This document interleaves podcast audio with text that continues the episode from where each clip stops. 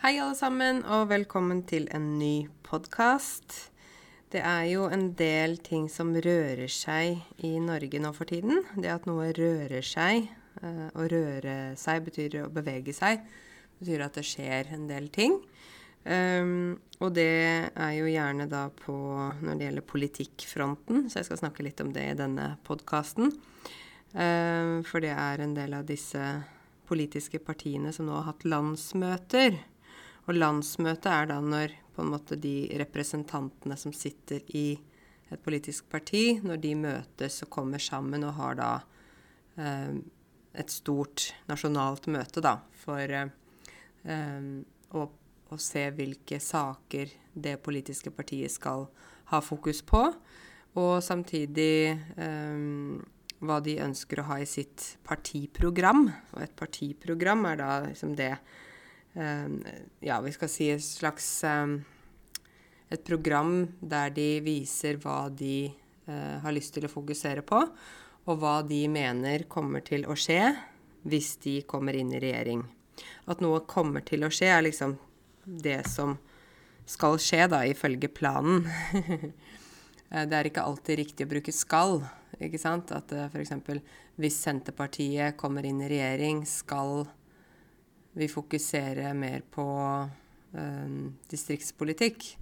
Da, uh, for, for, 'skal' det er noe vi bruker når vi snakker om ting vi skal gjøre, en plan vi har. Men vi, vi bruker da 'kommer til' òg når vi snakker om ikke nødvendigvis en plan vi har, men noe som mest sannsynlig vil skje, uten at vi da har en plan. Men det som er sannsynlig, da. Senterpartiet kommer til å fokusere mye på distriktspolitikk, fordi det er en del av deres partiprogram. Håper du skjønte det. Jeg har jo en video om skal og kommer til å på YouTube, så du kan jo se den hvis du vil det. Um, men før jeg går inn på det politiske, så Uh, har jeg jo hatt, uh, gjort noe litt hyggelig denne uken her. Og det var rett og slett uh, Det var at jeg Jeg tror det var før jul som jeg så en sånn kampanje via Utdanningsdirektoratet om at skoler kunne spørre om gratis ordbøker på en del språk. som de kunne da få fra Utdanningsdirektoratet. Og så tenkte jeg at ja, men da kan jo vel også jeg spørre om det, for jeg har jo en nettskole. Så hvorfor ikke, tenkte jeg. Uh, og da bestilte jeg, tror jeg bestilte 100 av hver ordbok. Jeg bare, jeg bare skrev et tall, egentlig. Og så glemte jeg det bort litt. Å glemme bort noe betyr at man, man, glemmer det, rett og slett. Vi bruker ofte 'bort' sammen med en del eh, verb. Så å glemme bort, da har man glemt det helt. Og så her, jeg tror det var tidlig i januar eller noe sånt, så kom jeg på kontoret en mandag morgen og da uken før så hadde det altså kommet veldig mange esker her. En eske er laget av papp eller papir, akkurat som dere sier boks. Men vi sier ikke boks for det, vi sier eske. Det var veldig mange esker her inne på kontoret mitt. Det var esker fra gulv til tak. Det betyr sant, helt fra nede og helt opp. Uh, tenkte jeg, hva er dette for noe? Hva har jeg bestilt? Uh, og jeg kunne ikke huske at jeg hadde bestilt noe spesielt, egentlig. Så begynte jeg å åpne de eskene, og da så jeg jo at det var disse ordbøkene fra Utdanningsdirektoratet. Um, og jeg fikk ikke 100 av hver ordbok, men jeg fikk mange likevel. Jeg fikk uh, eh, 80 stykker på norsk uh, bokmål og nynorsk. Det var sånne illustrerte ordbøker. Ikke, ikke vanlig ordbok, men med illustrasjoner. Og så fikk jeg ordbok norsk uh, thai norsk somali, norsk tigrinja, norsk dari, norsk kurmanji, norsk tamil og norsk sorani. det var de ordbøkene jeg fikk fordi Utdanningsdirektoratet har laget uh, ordbøker på disse språkene. Um, jeg tror det er fordi det ikke fantes noe særlig gode ordbøker fra før på disse språkene, f.eks. somali og kurmanji og sånn. Jeg vet jo at det er ikke alle språk Uh, har, hvor det er gode ordbøker med norsk og det språket. Um, men det kommer litt an på også hvor stort det språket er. da, Hvor mange er det som snakker det her i Norge? Hvor mange har behov for det? Og det er jo f.eks. veldig mange eh, fra Thailand i Norge, mange fra Somalia i Norge, mange fra Eritrea. mange fra Afghanistan, Kurdistan og Sri Lanka. Og Tamil Naru nederst i India, da, som også de snakker tamil. Um, så derfor tror jeg det var disse språkene, da. Men OK, så har jeg ventet en stund på å legge ut noe informasjon om at jeg har så mange ordbøker, for det var jo korona og sånn.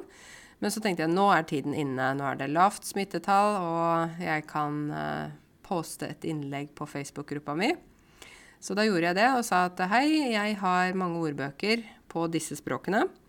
Og hvis noen har lyst til å få en ordbok, så er det bare bra. For det er jo sånn Det jeg tenkte, var at altså, voksenopplæringene de får også sånne bøker. Um, men de beholder de selv, ikke sant. Og så bruker elevene det når de er på skolen. Men uh, det er ikke sånn at voksenopplæringene gir gratis ordbøker til sine elever. Men jeg tenkte jeg trenger jo ikke det, fordi jeg har en nettskole. ikke sant? Vi har jo ikke noe fysisk skole der um, vi skal sitte i klasserom og skal bruke ordbøker på den måten. Så jeg tenkte OK, jeg skal se om Utdanningsdirektoratet gir meg noen bøker. Og hvis de gjør det, så skal jeg gi det videre. For jeg fikk det gratis, og så gir jeg det bare videre gratis. For jeg har jo ingen behov for sånne type bøker. Eh, jeg er jo eh, norsk, kan snakke norsk, men jeg kan ikke forstå liksom somalisk eller thai eller de språkene der. Så etter jeg postet det innlegget på Facebook-gruppa mi, så begynte jeg å få mange e-poster. Og så skrev jeg da for å få bok, så må du sende e-post til meg. Og det som er litt morsomt med sånne innlegg som jeg ser, da, er jo det at eh, det går litt på leseforståelse, faktisk. For å lese hva som står i innlegget, ikke sant. Jeg sier hvis du ønsker en sånn bok, send en e-post til meg. Og det mange begynner å gjøre da, at de putter sin e-post i kommentarfeltet på innlegget. Og det er ikke det du skal gjøre.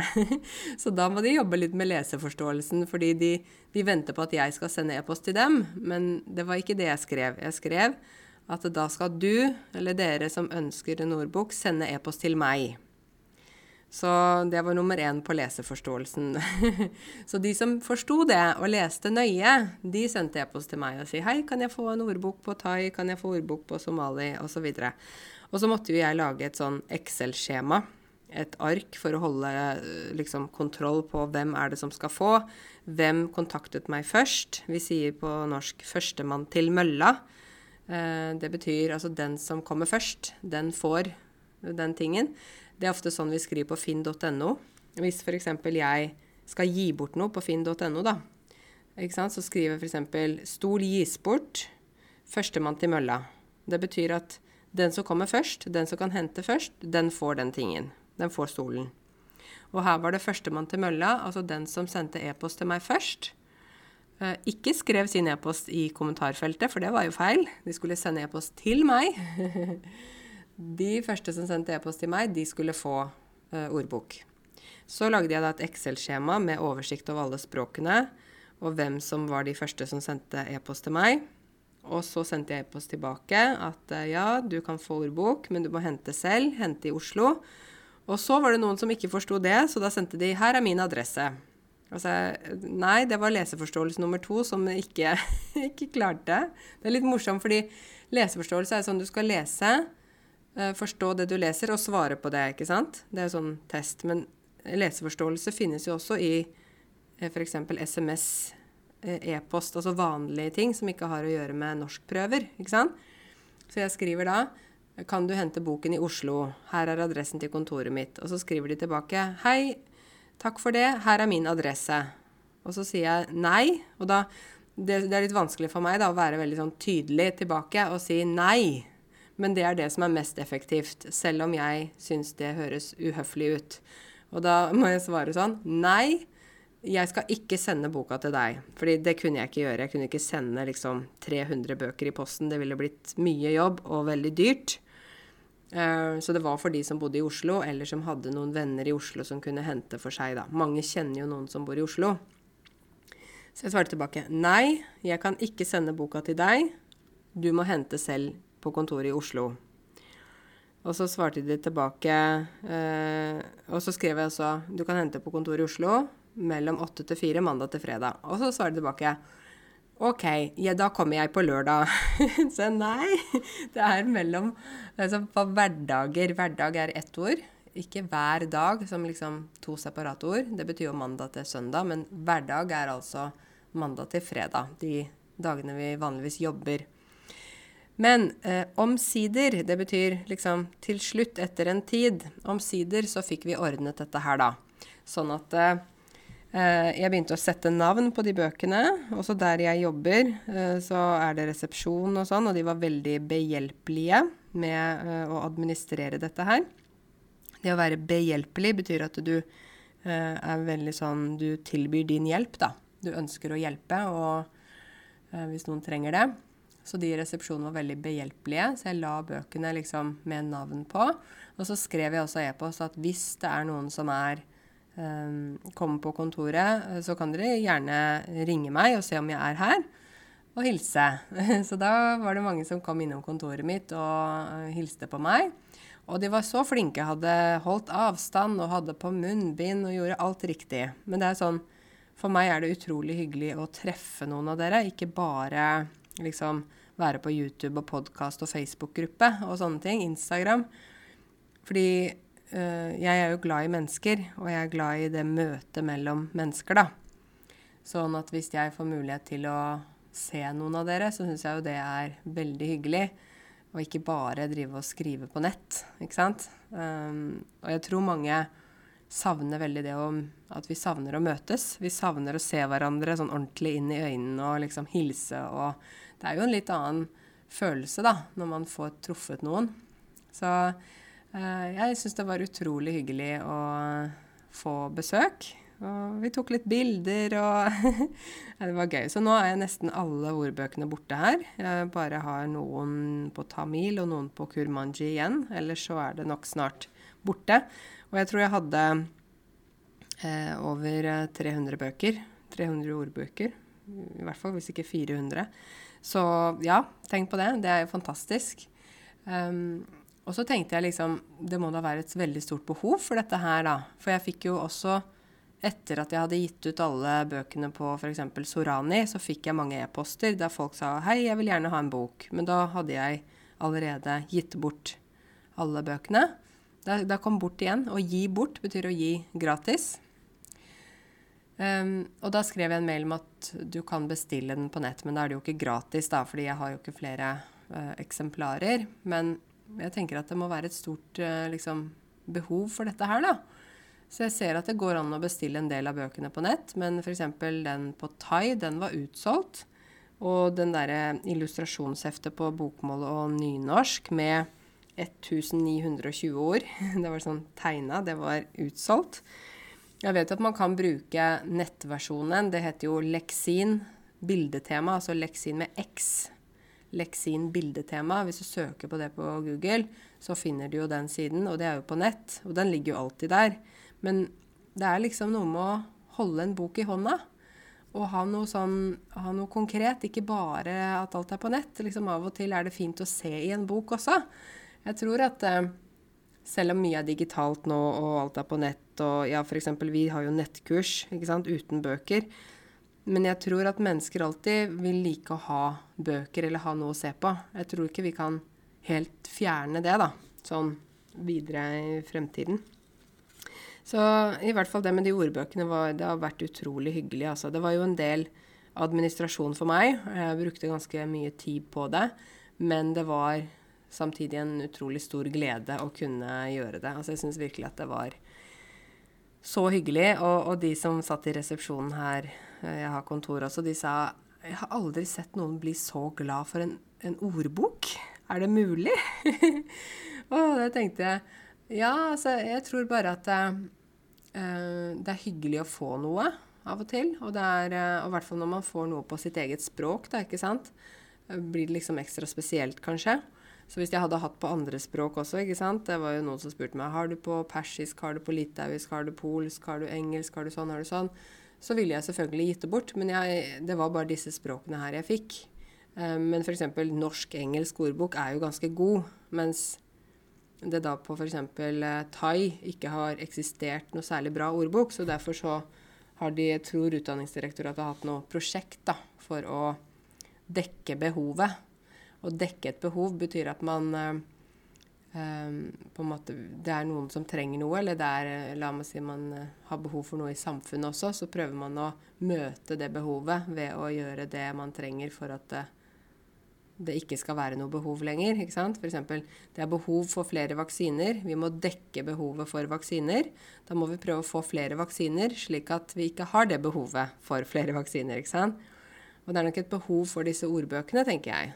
Så jeg syns at Utdanningsdirektoratet bør prøve å dekke det behovet, slik at folk uh, kan ha en god ordbok på sitt språk og lære på den måten. Istedenfor at det bare, man skal på en måte gå rundt med Google Translate og sånn. Det er jo ikke alltid det fungerer, det vet vi jo veldig godt. Så det var ordbokuka mi. um, og så er det jo sånn uh, Nå bor jeg i et totalt oppussingshus. Det er virkelig Det er nesten ikke noe sted vi kan være. Vi er øverst i tredje etasje. Det er der uh, vi sover, og mat det får vi ikke laget, fordi nå har de revet kjøkkenene. Å rive et kjøkken betyr å ta ned et kjøkken, slik at det ikke er noe kjøkken, fordi vi skal få nytt kjøkken. så vi har ikke kjøkken. Vi har kjøleskap, vi har mikroovn, eh, kaffetrakter og vannkoker. Ellers så har vi ikke kjøkken akkurat nå. Det kommer om én til to uker. Og det er jo litt krevende å være uten kjøkken så lenge. Eh, og det er også ganske kjedelig å kjøpe mat ute hver dag. Eller kjøpe sånn Fjordland, du vet Fjordland, sånn der man kan varme opp jeg liker jo å lage mat og lage hjemmelaget mat, og så plutselig så har jeg ikke kjøkken. Og så var jeg kjøpte sånn engangsbestikk, engangstallerken, engangskopper, engangs Du vet sånn som man kan kaste etterpå. Fordi vi har jo heller ikke vask til å vaske opp. Og jeg må si at jeg liker ikke å vaske opp liksom tallerkener og sånn på badet. Jeg liker ikke å liksom få den derre Ta oppvask på i, i, vasken på badet. Det blir liksom så feil. Så derfor bruker vi engangsopplegg, eh, eh sånn engangstallerken og sånn. Så det er en veldig midlertidig periode, men det er veldig slitsomt. nå har vi jo byttet gulv i hele huset, nå er det bare kjøkkenet som gjenstår. Og at noe gjenstår, betyr at det er det som fortsatt er igjen, da. At man, som man ikke har gjort ennå. F.eks. Ja, eh, jeg har rettet mange tekster, men det er tre tekster som gjenstår.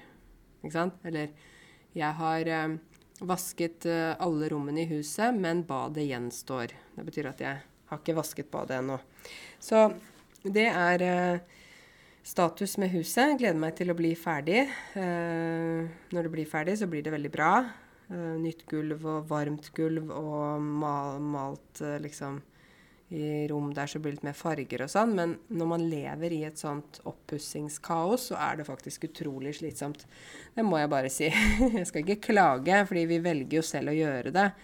Men eh, det er jo slitsomt når man er uten kjøkken og hele huset er fullt av støv. Det må jeg si at det er eh, det, det er jo egentlig ganske slitsomt.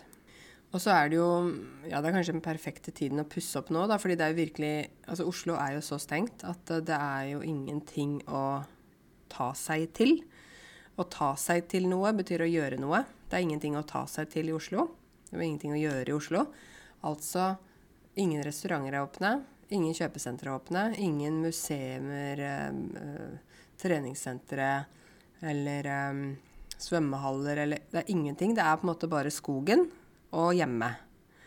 Uh, ja, det er vel egentlig det. Så sånn sett passer det veldig bra å, opp, å pusse opp, ikke passe opp, pusse opp nå.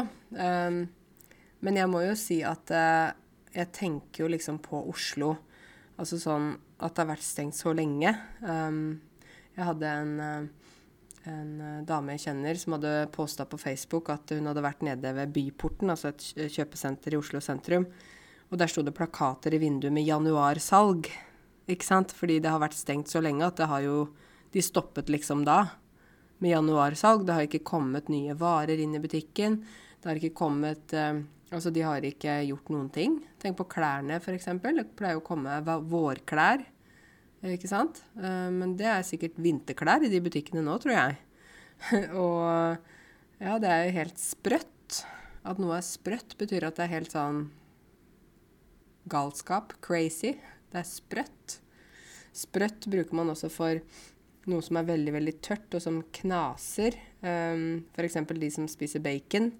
Når man steker bacon, så blir det sånn etterpå. Eller når man tygger potetgull. Det også er sprøtt, da. Så, men vi bruker også at noe er sprøtt for noe som er litt sånn helt gal galskap. så jeg håper at butikkene åpner snart igjen. For jeg tenker at hvis de ikke gjør det, så, så tror jeg at veldig mange butikker vil gå konkurs. Um, og nå bruker jeg 'vil' på en sånn måte som at det vil gå konkurs. Det betyr ikke at eh, de, vil, de ønsker å gå konkurs, men 'vil' kan vi også, også bruke for noe som med stor sannsynlighet vil skje. Kommer til å skje. F.eks. hvis jeg hopper ned fra tredje etasje, da, så vil jeg skade meg. Hvis jeg hopper ned fra tredje etasje, vil jeg skade meg. Eller øh, ja, kanskje jeg også Jeg vil kanskje ikke dø, men jeg vil skade meg. Det betyr at det er veldig stor sannsynlig for at det vil skje. Og da bruker vi vil. Men vi bruker også vil på en måte som at vi vil noe, vil ha noe. Jeg vil spise pizza, jeg vil gå på tur. Det er ting vi ønsker og vil gjøre. Men vil kan vi også bruke for ting som 99,9 kommer til å skje.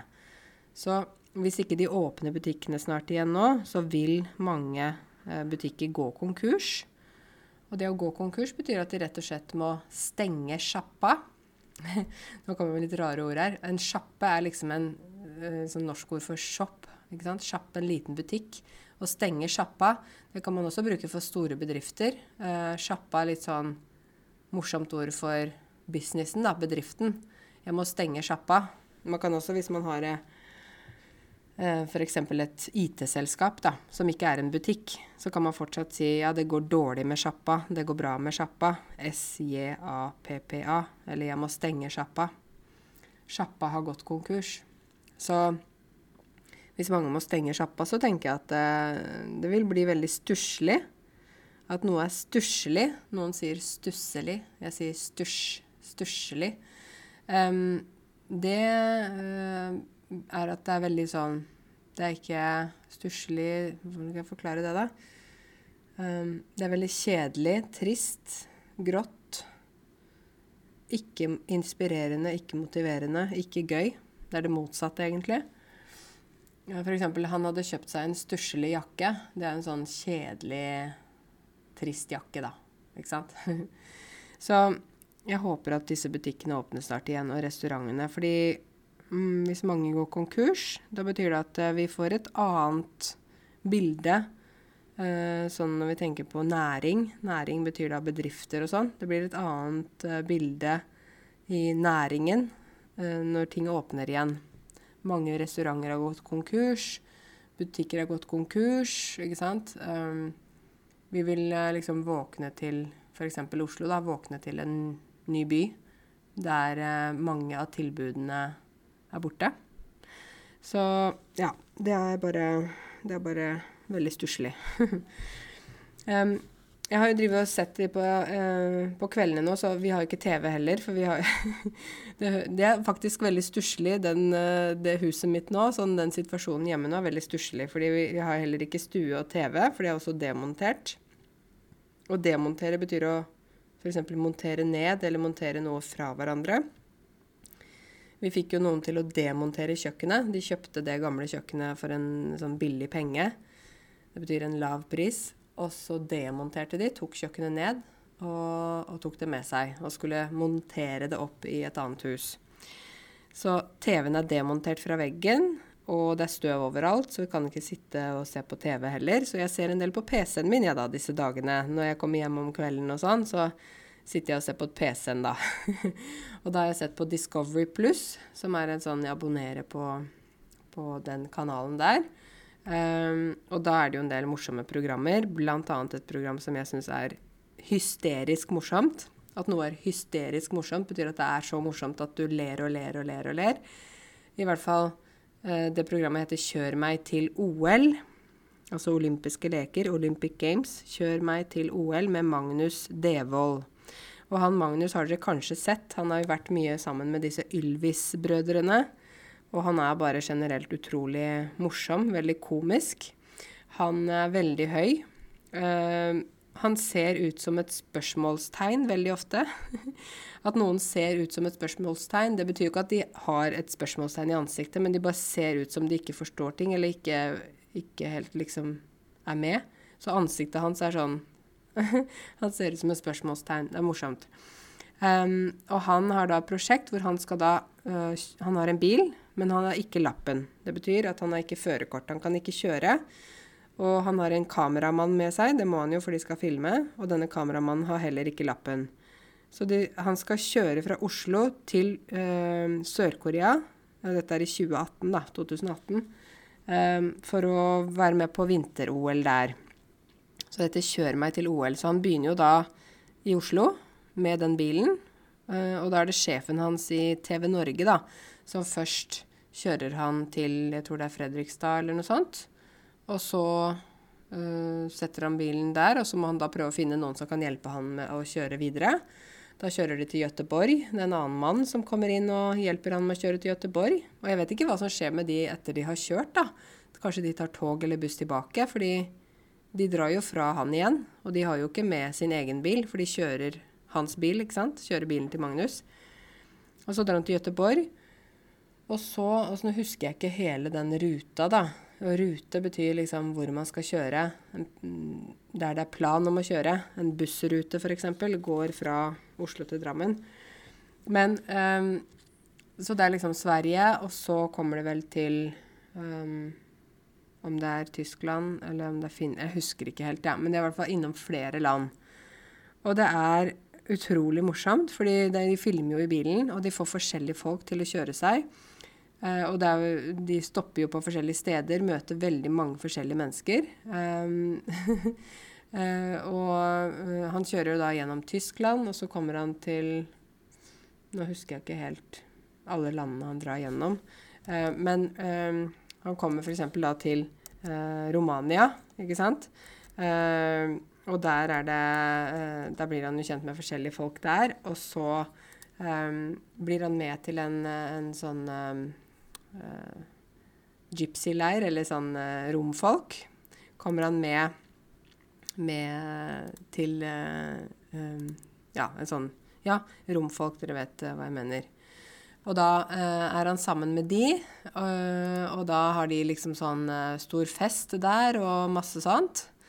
Um, og det er jo veldig uh, egentlig veldig festlig, fordi at de, de vet, romfolk, de som også kommer til Norge også fra Romania, de har en litt annen kultur, ikke sant? Og de danser, og de ler, og de har masse barn, og de har sånn helt kaos. Og, og, han er jo plutselig med på dette her, da, og, og skal være med på en fest der eh, sammen med de.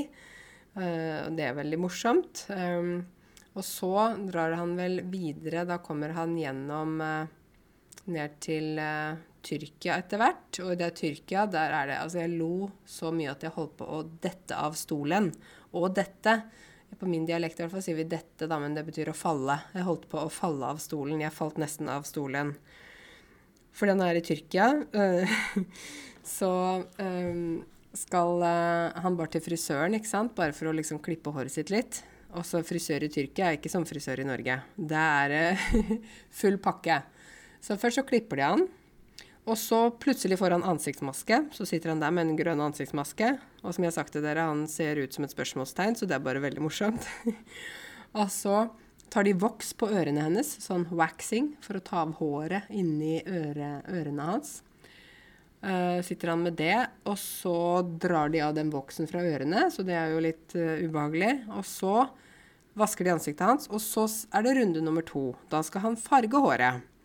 Og det hadde han ingen plan om, men de farger håret svart. Og han er jo egentlig blond, ikke sant? Og så farger de øyebrynene svart. Så plutselig så Fra å være helt sånn norsk, ikke sant, sånn med blondt hår og sånn, så kommer han ut med svart hår og svarte øyebryn. Um, det er, vet du hva, det må bare se det. Det er bare utrolig morsomt. Um, han kommer gjennom til Georgia, og plutselig sover han over hos en familie der, og han Ja, han reiser inn i jeg tror det er Kasakhstan er han inne i. Han er inne i Aserbajdsjan. Han, um, han drar gjennom Russland, Sibir. Altså, vet dere hva? Det er, utrolig, det er et utrolig morsomt program. Syns jeg, da. Det er jo min mening, men uh, sånn norsk humor. Så anbefaler dere å se 'Kjør meg til OL' på Jeg tror det går på TV Norge også, men det ligger da på Discovery Pluss, som er en sånn kanal man kan abonnere, abonnere på, da. Jeg skal snakke litt om Jeg fikk et ønske om uh, Jeg kunne snakke litt om bygd og by. Um, fordi at jeg hadde vært uh, på Debatten på NRK. Debatten er jo sånn rett og slett et debattprogram der uh, både politikere og andre folk er med når det handler om forskjellige temaer. og der diskuterer de da, eller debatterer, forskjellige temaer. Alt fra økonomi til helse til ja, så var det da et uh, Det siste programmet nå som handla om bygd og by, og dette her med um, fraflytting fra bygdene. Og det at det ikke er befolkningsvekst, og at i Norge så uh, har vi veldig mange bygder, men det er ikke folk som flytter til bygda. Folk flytter heller fra bygda. Og de som bor i bygda, de som bor på bygda, heter det. I ei bygd. Bor i ei bygd når man er inni bygda, liksom. Og så på bygda når man snakker om uh, ikke et spesielt sted, da. Bor på bygda, bor i byen. Ikke sant. Um, så jeg vokste opp på bygda sjøl. Uh, sjøl betyr selv. Jeg vokste opp på bygda selv. Sjøl. Um, jeg vokste opp i Åmot, Modum kommune i Viken fylke nå, tidligere Buskerud. Kanskje noen av dere bor der. um, og det å vokse opp på bygda på den måten altså Åmot har jo rundt 5000 mennesker. Jeg ligger en halvtime fra Drammen, en time, ti minutter fra Oslo. Så det er ikke så langt unna Oslo, men det er likevel en egen verden, da. Men det å vokse opp der som barn var jo veldig fint. Fordi vi var jo veldig trygge. Vi hadde mye liksom plass. Vi hadde stort hus. Vi hadde skog rett ved oss. Um, vi kunne sykle og gå hvor vi ville. Vi var ute sent på kvelden, kom hjem når vi skulle komme hjem. Um, og sånne ting.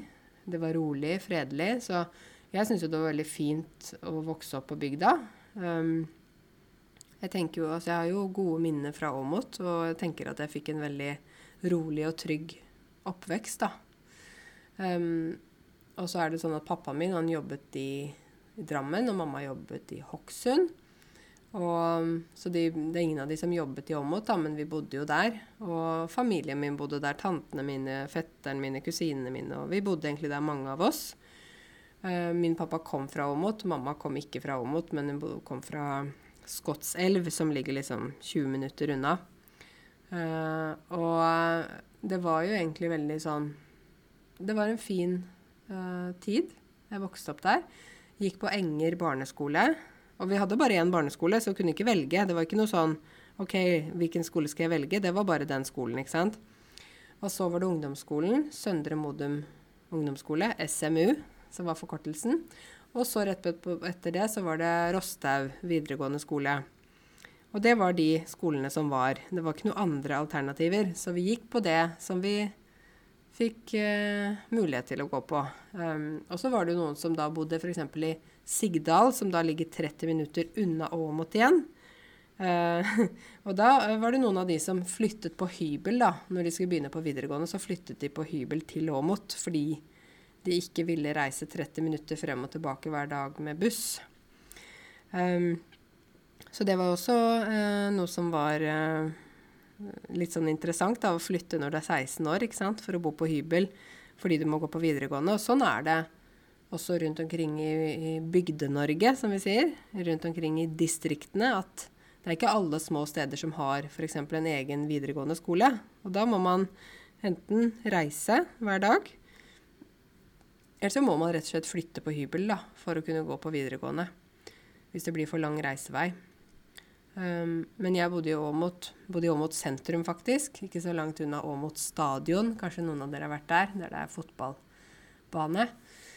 Um, og ja, barndommen og oppveksten i Åmot var egentlig veldig fin, men Åmot ble fort uh, et veldig lite sted for meg etter hvert som jeg ble da, når jeg ble mot slutten av videregående. Dere vet at jeg studerte i Canada, så jeg dro jo liksom til en stor by, Vancouver, fordi at jeg jeg ville utforske verden. Jeg ville oppleve og se noe nytt. Og lære mer om uh, forskjellige steder og sånn.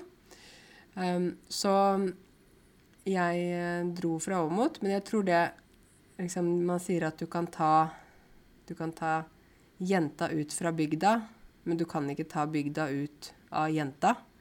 Ikke sant? Eller vi kan jo bruke gutten nå, da.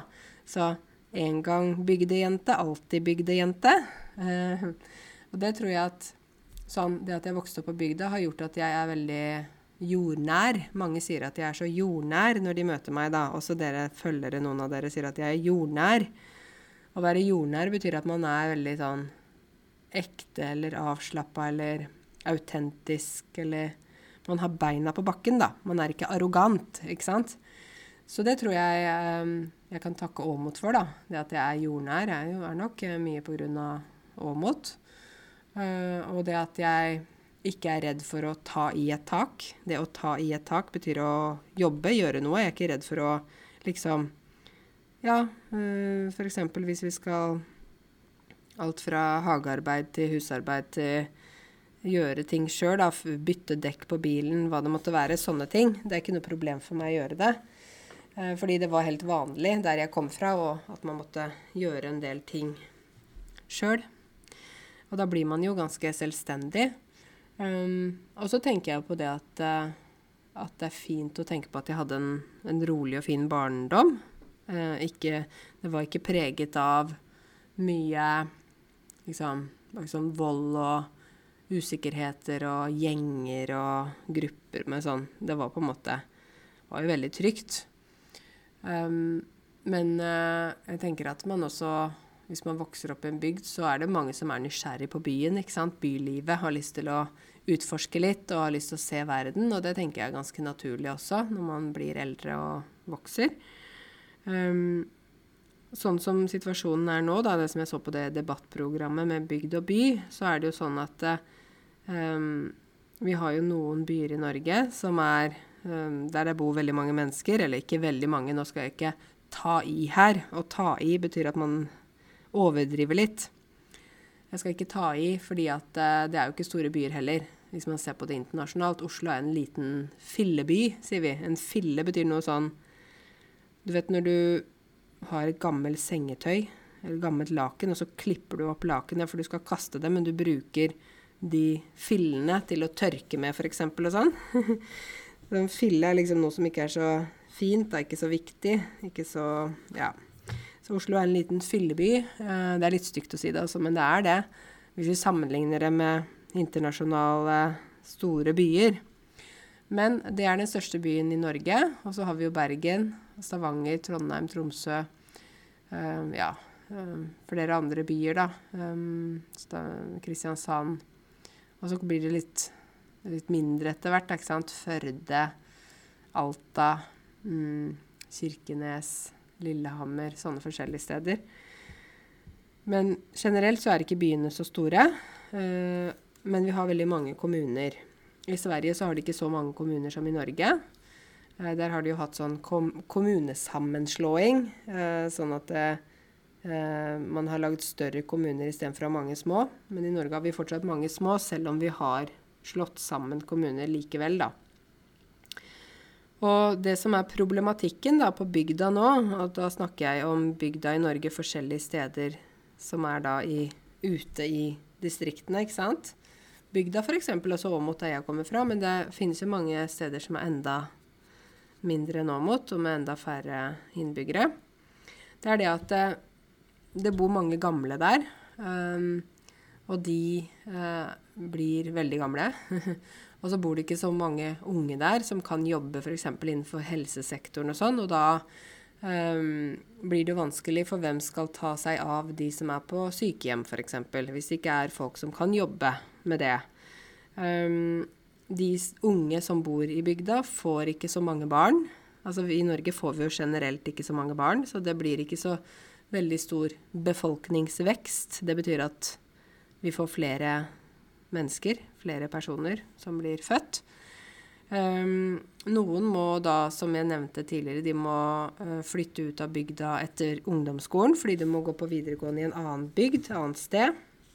En del flytter vekk fra bygda etter videregående f.eks. For, eksempel, for da å bo i byen eller bo i utlandet, sånn som jeg gjorde. Um, det som kanskje også er problemet med bygdene, er at det er lite tilbud. Lite tilbud betyr at uh, da snakker jeg om alt fra kaféliv, restauranter, um, kulturliv, sånne ting. Det er ikke så mye som skjer, men det er ofte veldig bra på idrett. Ofte veldig mye sånn fotballklubb, håndballklubb, uh, alle mulige typer sport, da. Det er det ofte veldig bra på bygda. Um, og så er det sånn at mange syns nok at det er lite sosialt, at folk sitter for seg selv og er litt sånn isolert, ikke sant. Og at hvis man da Eh, flytter til den bygda, så er det litt vanskelig å bli kjent med folk, rett og slett. Um, og så kan det være sånn trend at hvis én flytter, så flytter flere, ikke sant? Fordi at uh, man vil gjerne beholde sin um, sosiale krets. Krets betyr sirkel, eller uh, ja, sosiale krets. Krets er litt sånn område òg. Uh, så hvis én flytter og to flytter, så flytter mange andre etter. Ut av bygda. Um, og så er det jo det at man er avhengig av bil, ikke sant. På bygda så må man jo Ofte så er ikke kollektivtilbudet så bra. Det går ikke mange busser. Um, kanskje det går én buss i timen, eller kanskje det går én buss to ganger om dagen. Så man må ha bil. Man er avhengig av bil.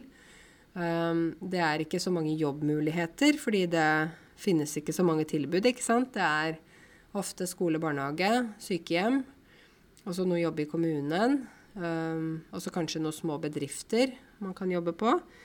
Eller um, Ja, det er i hvert fall ikke så mange jobbmuligheter, da. Um, nå kan man jo jobbe mye på nett, da, kanskje, så kanskje ting endrer seg med det. Så det kan jo være bra. så det er litt sånn Og noen syns det bare er veldig kjedelig å bo på bygda. De syns det er for stille, for rolig. Og en del av dere som hører på denne podkasten, det kan jo hende dere bor på bygda. Så jeg er veldig nysgjerrig på å høre hva dere syns om å bo på bygda, da, dere som har flyttet til ei norsk bygd. Hvordan er det, hvordan syns dere det er å bo på bygda? Um, jeg tenker jo at en del av dere kanskje kommer fra store byer og syns det er veldig deilig å bo på bygda, fordi det er veldig uh, rolig og stille. Mens uh, noen av dere flytter til bygda, kanskje, kanskje dere har fått en jobb, og så må dere være i den bygda f.eks. to år. Dere har bundet dere til to år før dere kan flytte igjen. Jeg husker jeg jobba med mange farmasøyter før, fra Portugal eh, særlig. Og de eh, ble da sendt til en bygd i Norge et eller annet sted, fordi det må jo være apotek. Og jeg husker spesielt eh, hun var fra Litauen. Det var en eh, farmasøyt fra Litauen. Hun bodde i, et, uh, bodde i en enebolig, sånn lite hus. Men hun kom egentlig fra Vilnius, ikke sant, i, i Litauen, hovedstaden. Og hun syntes det var så kjedelig. Hun ble, hun ble, egentlig deprimert når hun kom, for det var så tungt. Det var ensomt. Det var Hun følte det var bare skog og kjedelige dager og ikke noe sosialt og sånn, så hun sleit. Og hun sleit, det betyr at hun hadde litt problemer med det, da. Og så var det noen som også fikk gode venner og kom seg godt inn i alt som var der. Så det er litt opp og ned, da. Hvem man treffer og hvor man bor og sånne ting. Um, men uh, jeg er nysgjerrig på å høre hvis noen av dere har lyst til å dele historien deres eller fortelle hvordan det er å bo på bygda i Norge, da. Så skriv gjerne til meg. Dere vet e-posten min, ikke sant? karensealfakrøllnote.no. Um, nok om det. Men sånn det som er bra med bygda, da Jeg har jo satt litt hva som er bra, hva jeg har opplevd som var bra, da. Som barn og ungdom som vokste opp der. Um, men det er jo at uh, det er uh, man på en måte alle kjenner alle. Så man har den derre at man, man, kjenner hverandre, man vet hvem hverandre er. Uh, de som da har bodd der fra før, da, de, det er ofte godt samhold.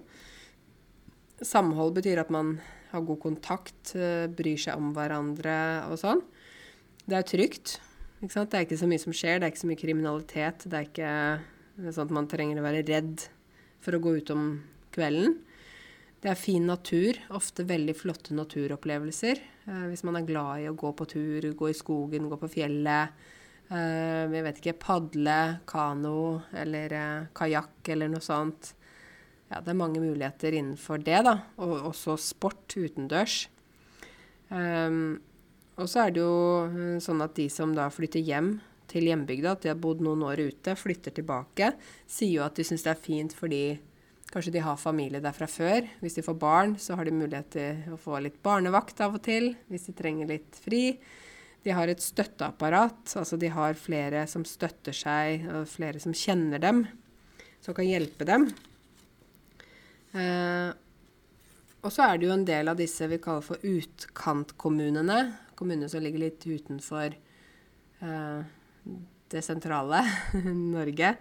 Eh, de kommer med sånne lokketilbud. Et lokketilbud betyr 'kom her, kom her, se hva du får hvis du kommer til oss, hvis du flytter hit'.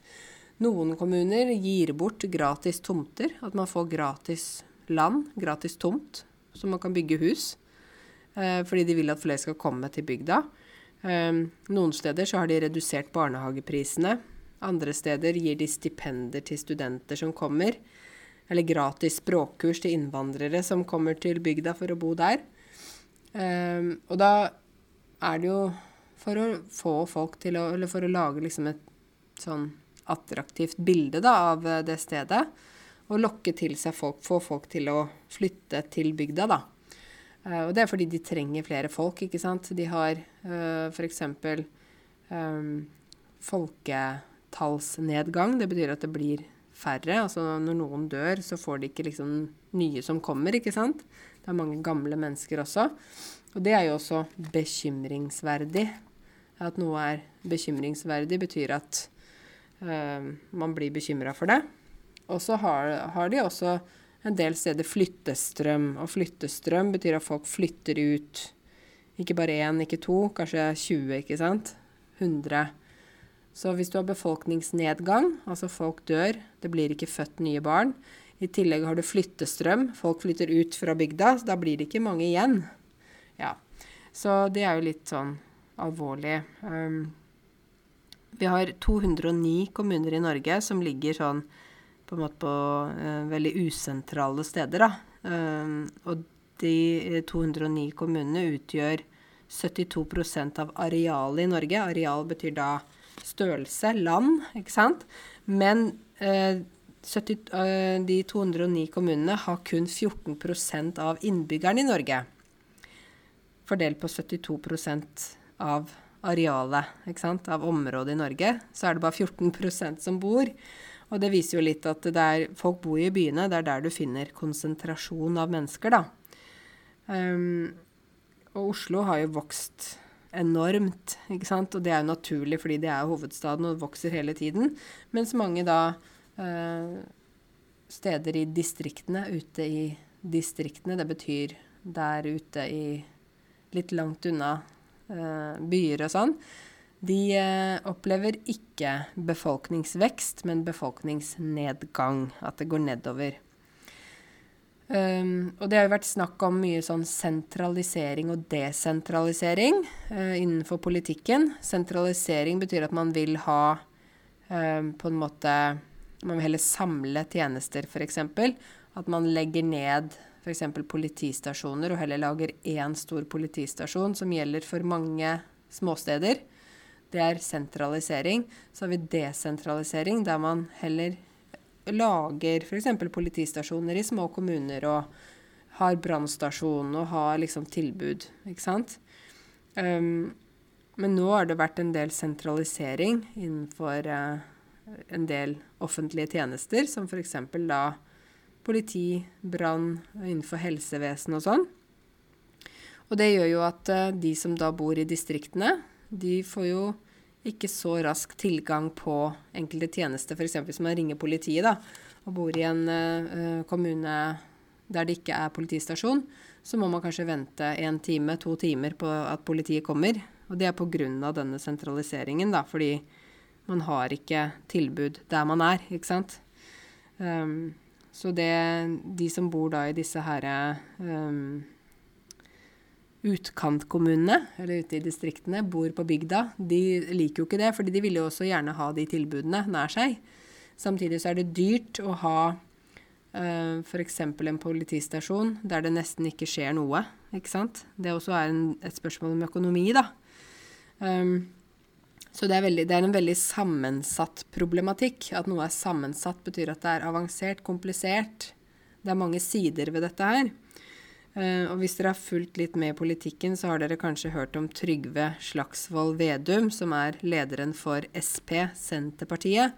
Han er jo veldig opptatt av distriktspolitikk. Uh, han er nå veldig populær i Nord-Norge fordi at han snakker mye om uh, at det er viktig å få å satse på distriktene, ikke bare satse på byene.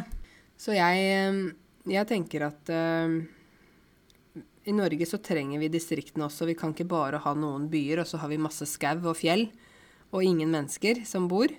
Vi trenger å være plassert over hele landet, ikke sant? Vi trenger å, å spre oss utover. Det å spre oss utover betyr at vi ikke bare har konsentrasjon av mennesker på noen steder, men at vi har mange mennesker på forskjellige steder. Eh, men da tenker jeg også igjen på det med innvandring, da. Um, fordi nordmenn får ikke nok barn. ikke sant? Det har jo Erna Solberg til og med sagt på, jeg tror hun sa på nyttårstalen sin, at vi må få flere barn. Ganske spesielt. Vi får ikke nok barn. Um, og så samtidig skal vi ha en streng innvandringspolitikk. Det syns jeg passer ikke sammen, da.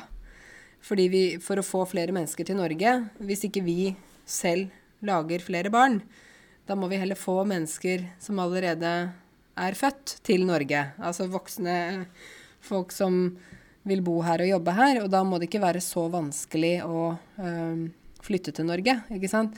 F.eks. nå hørte jeg at øh, de skal endre kravet for statsborgerskap øh, fra A2 muntlig norskprøve til B1 muntlig. det er blitt er bekrefta. Eh, det er mulig det starter fra 1.7 allerede, 2021, nå til sommeren, men det kan hende at det tar også lengre tid før det blir innført.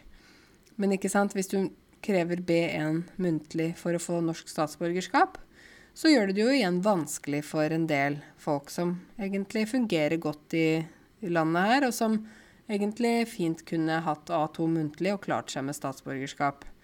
Fordi de fungerer i sitt liv på det nivået, da. Um, da tenker jeg f.eks. på folk som jobber på engelsk, snakker morsmål hjemme, um, snakker norsk med barna og morsmål. Altså, de trenger ikke nødvendigvis alltid B1. Og noen sier at ja, men de må kunne godt norsk for å få norsk pass. Og så tenker jeg at ja, men uh, man kan ikke si det at uh, språket er liksom, uh, er liksom koden for å kunne få norsk pass. Det er jo andre ting som spiller inn også. F.eks. det å være en lovlydig borger. Altså følge reglene, følge loven, betale skatt, uh, gjøre det man skal, ikke sant. ja, dette er en egen debatt. Dere vet at jeg jeg skal ikke gå inn på den, og dere er sikkert ikke alle som er enige med meg, og dere, kanskje noen sier nei, men man må ha B2 for å få norsk pass, og OK, greit. Men da er vi enige om å være uenige. det er helt greit. Gudskjelov, gudskjelov, takk og lov, tusen takk, så betyr det så sitter ikke jeg i sånn debatt, podkast-debatt, med noen andre som har andre meninger enn meg. For det er sånn Jeg liker ikke egentlig debatt. Jeg er ikke noe glad i diskusjoner. Så jeg gir meg fort. Jeg tror ikke jeg hadde gått inn i sånn der stor debatt og sittet der og vært veldig sånn Nå skal du høre på hva jeg mener. Jeg sier sånn og sånn. Altså, åh, jeg syns jeg blir bare sliten av det. Men jeg mener jo da at hvis vi har en litt ikke så streng innvandringspolitikk som vi har nå, så vil det også være flere folk som er interessert i å flytte til Norge. Fordi at de opplever at det er et land som ønsker at man skal komme dit, uten at det blir stilt så strenge krav at man ikke kan komme inn. Så det tenker jeg hvis man skal være opptatt av distriktspolitikk. Man vil ha flere folk som flytter til disse bygdene. Da må man også åpne opp for at ikke bare nordmenn skal flytte inn og ut og frem og tilbake, men også folk som ikke kommer fra Norge opprinnelig. Det, det mener jeg, da. Og så må man kanskje begynne å utvikle disse distriktene litt mer, da. Kanskje lage noen kafeer, da. Lage noe tilbud som gjør at det blir interessant. Jeg husker da jeg var på Skjervøy. Det var jo høsten 2019. Ja. Jeg var en uke på Skjervøy oppe i Nord-Norge. Og det er jo ei lita bygd. Men uh, de er jammen flinke til å uh, sette i gang ting. Altså de er veldig sånn kreative og um, innovative. Altså jeg var jo på voksenopplæringen der, og jeg hadde kurs også for lærerne der. Og de, de, hadde liksom kulturkvelder, de hadde strikkekvelder, de hadde litt sånn kafé av og til. De hadde turgrupper, de hadde eh, De drev med så mye positivt. Hadde, også for innvandrerne der så hadde de masse sånn tilbud, og de gjorde masse forskjellige ting, var veldig kreative. Og da tenker jeg at hvis det er sånn, da kan du bo hvor som helst. For hvis det er hyggelig å bo der du bor, så merker du ikke at 'å, her er det bygd, her er det by'. Du er ikke så opptatt av det, fordi hverdagen kommer uansett. Hverdagen betyr ikke sant, gå på jobb, komme hjem, lage middag, kanskje gå på trening, lese lekser med barna, hente, levere barnehagen, sånne ting. Vaske huset, se på TV, se på film, sjekke litt på dataen, og så øh, ja, vet ikke, ta seg en løpetur. Bli sliten, dusje, legge seg, sove, stå opp igjen, gå på jobb. Det er rutiner, ikke sant. Det er hverdagen. Og om du bor i, midt i Oslo sentrum, eller du bor på Skjervøy, eller du bor på Hamar, eller hvor du er, så er hverdagen er hverdagen uansett. Altså selv om jeg bor i Oslo, betyr ikke at jeg går på kafé hver dag.